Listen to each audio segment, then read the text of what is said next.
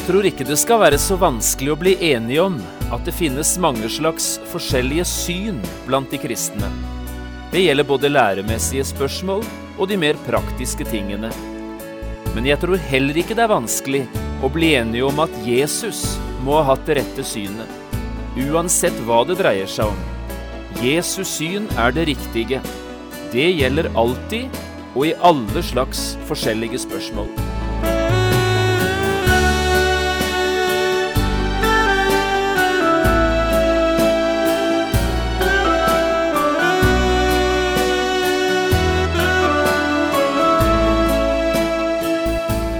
Hjertelig velkommen til et nytt program i serien Vindu mot livet. Programmet er produsert av Kristen Riksradio og blir ledet av Jon Hardang.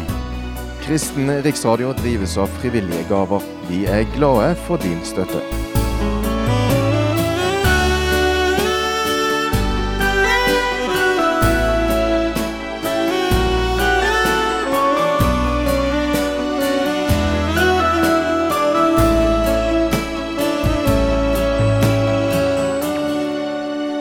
Vi skal også i dag fortsette denne bibelundervisningsserien som vi har kalt Fra Guds billedbok. I tolv programmer skal vi gjøre en bibelvandring og besøke det bibelske stedet Sikhem. Det er en spennende bibelvandring vi nå er i gang med, og du hadde kanskje aldri tenkt at det skjedde så mye viktig i Sikhem som det du her har fått høre.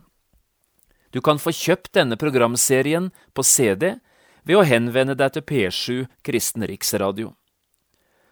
Også i dette programmet skal vi lese fra Johannesevangeliet, fra møtet mellom Jesus og den samaritanske kvinnen. Og vi skal nå høre hva som skjedde da Jesus møtte sine disipler igjen etter denne samtalen. Vi leser fra Johannesevangeliet i kapittel 4, vers 27 til 42.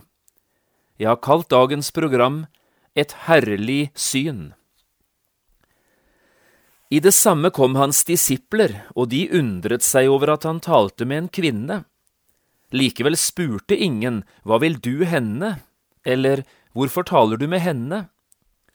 Kvinnen lot da sin vannkrukke stå og gikk inn i byen, og hun sa til folket der, Kom og se en mann som har sagt meg alt det jeg har gjort, han skulle vel ikke være Messias? De dro da ut fra byen og kom til ham. I mellomtiden sa disiplene til Jesus, Rabbi, et. Men han sa til dem, Jeg har mat å ete som dere ikke vet om. Disiplene sa da seg imellom, Kan noen ha brakt mat til ham? Jesus sier til dem, Min mat er å gjøre Hans vilje som har sendt meg, og å fullføre Hans gjerning. Sier ikke dere at det ennå er fire måneder, så kommer høsten? Se, jeg sier dere, løft deres øyne og se markene, de er alt hvite til høst. Den som høster, får lønn, og han samler inn grøde til evig liv, for at både den som sår og den som høster kan glede seg sammen. For her er det et sant ord at én sår og en annen høster. Jeg har sendt dere ut for å høste det dere ikke har arbeidet med. Andre har arbeidet, og dere er kommet inn i deres arbeid. Det var mange av samaritanerne fra denne byen som trodde på Jesus, på grunn av kvinnens ord da hun vitnet, Han har sagt meg alt det jeg har gjort. Da nå samaritanerne kom til ham, ba de ham å bli hos dem, og han ble der i to dager. Og mange flere kom til tro på grunn av hans ord. Og de sa til kvinnen, Nå tror vi ikke lenger på grunn av det du sa, for nå har vi selv hørt, og vi vet at han i sannhet er verdens frelser.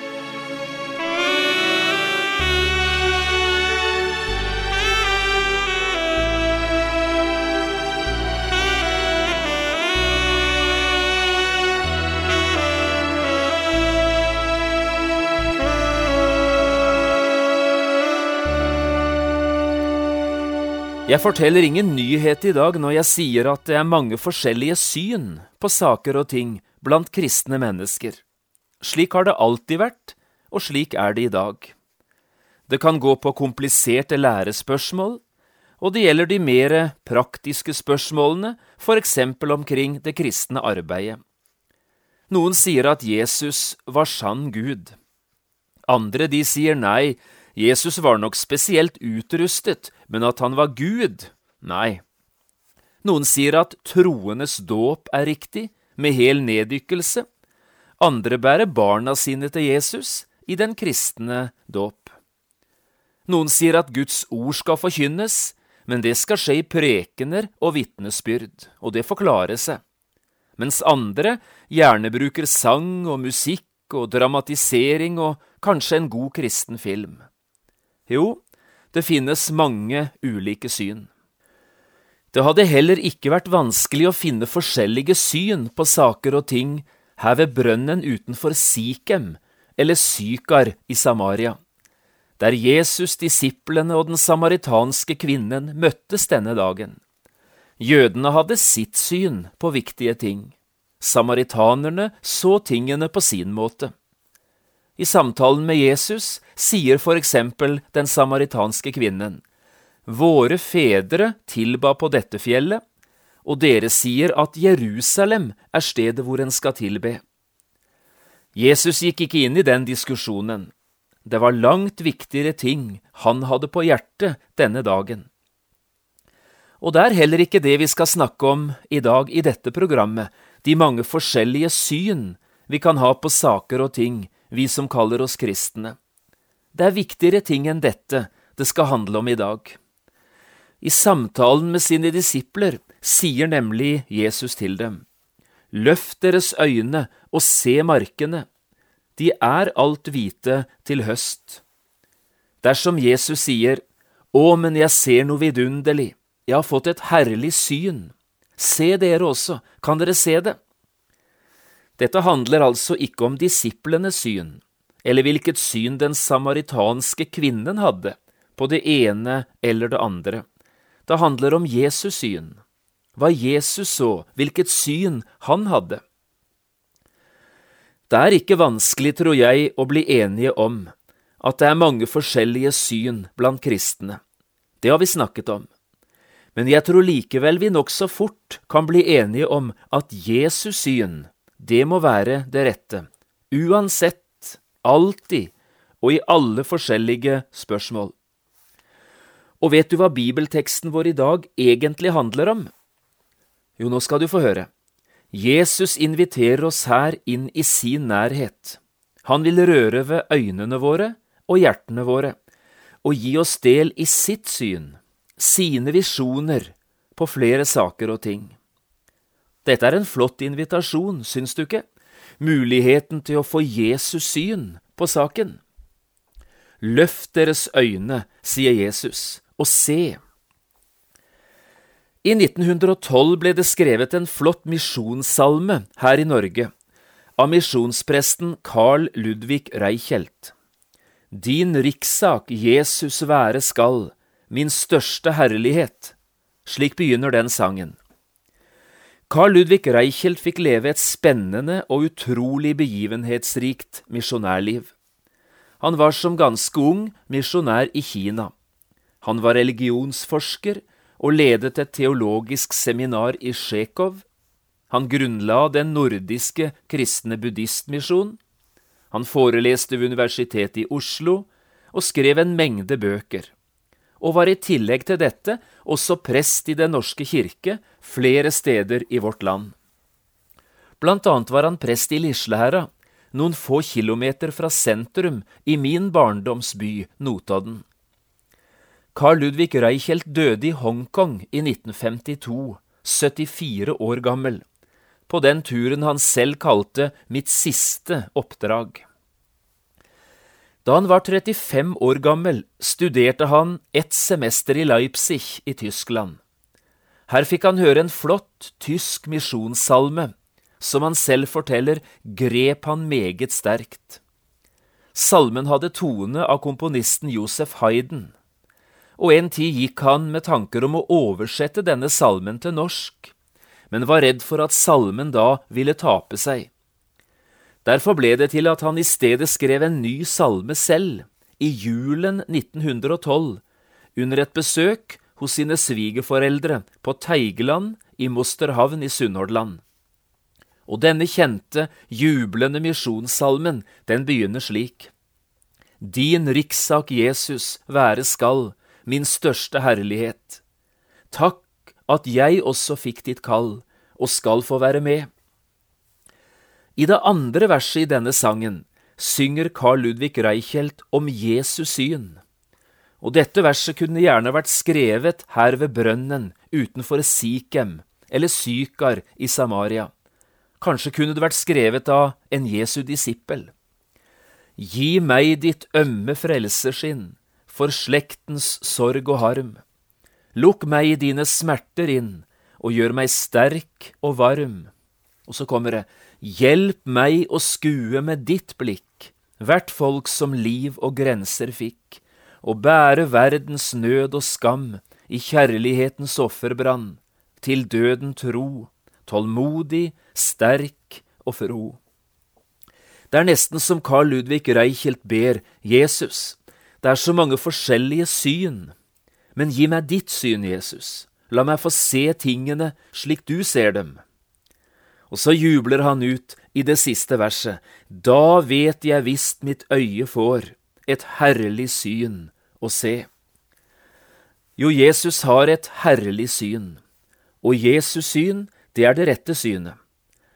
La oss nå få høre hva vi virkelig får se her ved brønnkanten utenfor Sykar i Samaria, der Jesus altså sier det til oss, løft deres øyne og se markene, de er alt hvite til høst.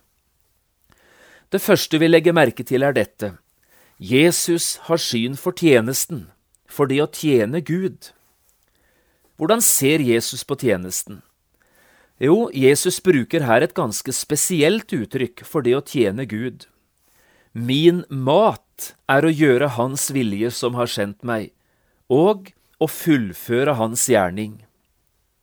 Hva mente Jesus med dette? Jo, sammenhengen er jo klar. Jesus og disiplene hadde en lang reise bak seg. De var trøtte og sultne, og derfor var disiplene dratt inn i byen for å kjøpe mat. Og mens disiplene nå var opptatt med dette, da skjedde det at Jesus fikk snakke med den samaritanske kvinnen. Nå var denne turen gjort, og disiplene kom tilbake med mat til Jesus. Rabbi, sier de, et. Men Jesus svar lyder merkelig. Jeg har mat å ete som dere ikke vet om, svarte Jesus.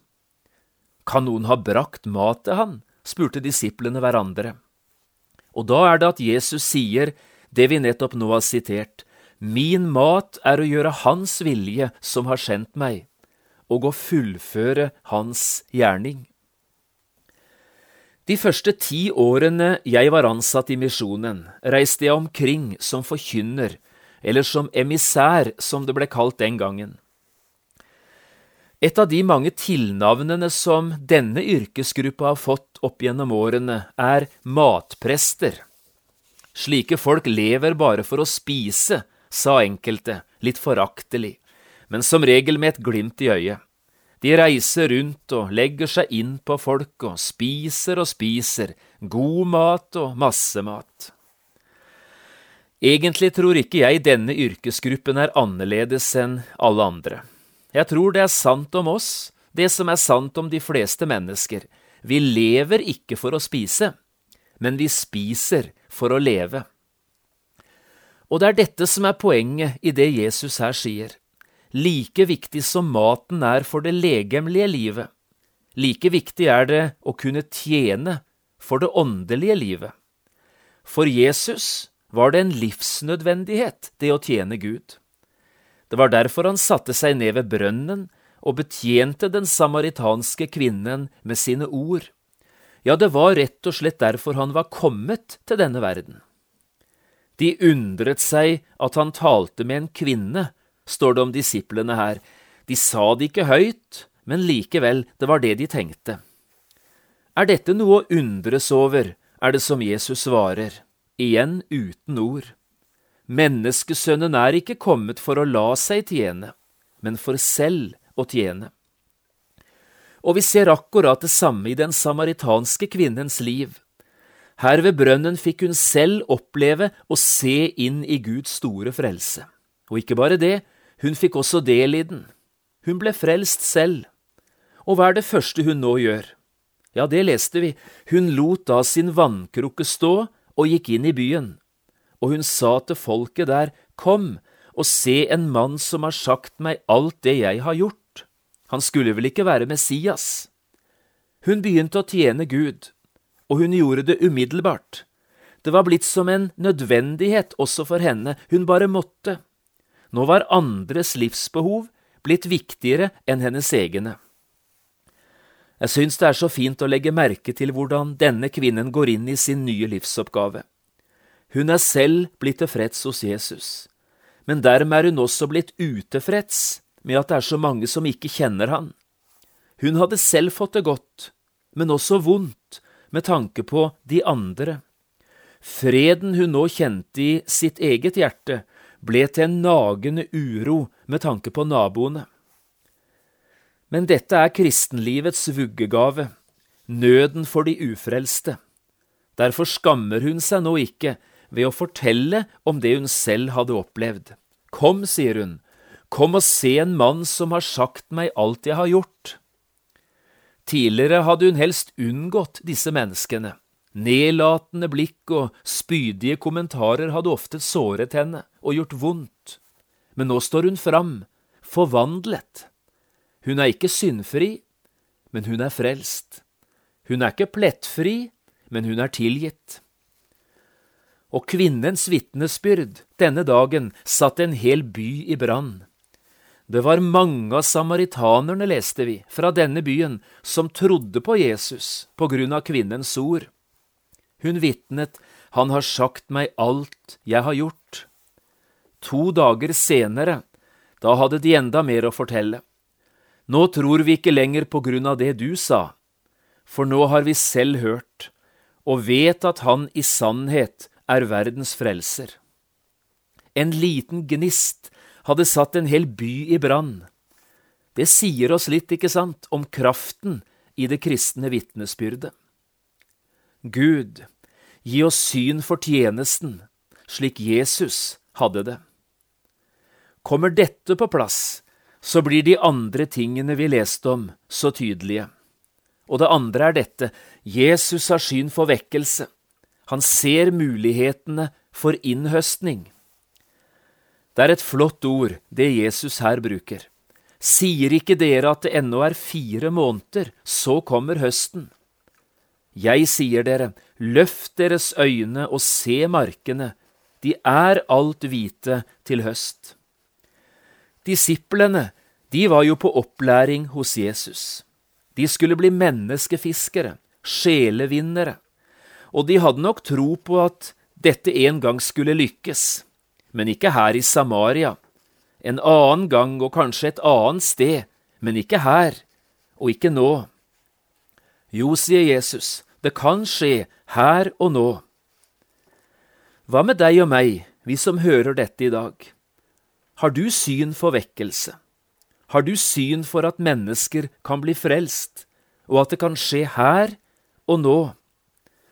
Jeg tror det finnes kristne mennesker som ikke er opptatt med dette med menneskers frelse i det hele tatt. De er opptatt med helt andre ting, og de har ikke syn for dette. Så finnes det andre som, jo, de har nok syn for vekkelse, og de ser viktigheten i det at folk må bli frelst, men de tror ikke det kan skje nå. Først må ting forandre seg, både på den ene og den andre måten, om fire måneder kanskje, for å bruke Jesu ord, men ikke nå. Løft deres øyne, sier Jesus, og se, du står jo selv midt ute i de hvite markene. Det er tjukt av mennesker omkring deg som trenger å bli frelst. Ser du det? Ser du dem? Ja, i så fall, gå i gang, både i bønn og i arbeid. Jesus har syn for at arbeiderne er forskjellige. Det er det tredje vi legger merke til her. Jesus har ikke bare syn for tjenesten, han har også syn for tjenerne. Ikke bare for arbeidet, men også for arbeiderne. Og Jesus har et herlig syn på arbeidere. De er forskjellige, men nødvendige alle sammen. Her er det et sant ord, sier Jesus, at én sår og en annen høster. Den som høster, får lønn, og han samler inn grøde til evig liv, for at både den som sår og den som høster, kan glede seg sammen. Ja, for hvordan skulle noen kunne høste om det ikke hadde vært noen som hadde sådd?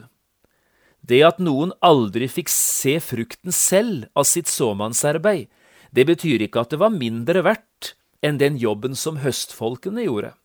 Langt ifra. Begge deler er like viktig. Såmannsarbeidere og høstfolk er ikke konkurrenter, de er medarbeidere. Og glem det så aldri, sier Jesus, du står i en stor sammenheng. Jeg har sendt dere ut for å høste det dere ikke har arbeidet med, andre har arbeidet, og dere er kommet inn i deres arbeid. Er ikke også sykaropplevelsen nettopp et eksempel på dette? Jesus fikk høste troens frukt, en samaritansk kvinne ble frelst, men det var andre, også i hennes liv, som hadde sådd troens ord i hennes hjerte.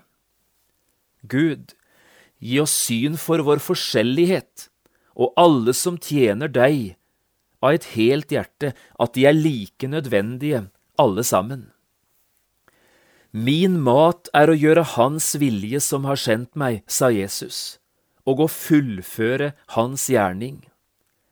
Hva betyr dette siste, å fullføre Hans gjerning? Sogneprest Georg Johnsen fortalte i en sammenheng om en prestekollega, et av de mest brennende Herrens vitner han selv hadde møtt. Denne kollegaen ble rammet av kreft, og dette stanset han i tjenesten i hans beste år. Men på tross av dette beholdt han sin frimodighet i tjenesten, også da han kom på sykehuset. En dag, under den store legevisitten, vender han seg til overlegen og sier, Jeg vet at jeg nå snart mister stemmen, men så lenge jeg makter det, vil jeg løfte opp disse to fingrene. Og så løftet han den ene hånda, hver gang du kommer inn. Det betyr, doktor, vi må møtes i himmelen, vi to. Og sønnen hans fortalte i begravelsen. Inntil bevisstheten forlot far, kom disse to fingrene opp hver eneste gang overlegen kom inn. Dette, det er troskap i tjenesten. Dette er å fullføre sin gjerning.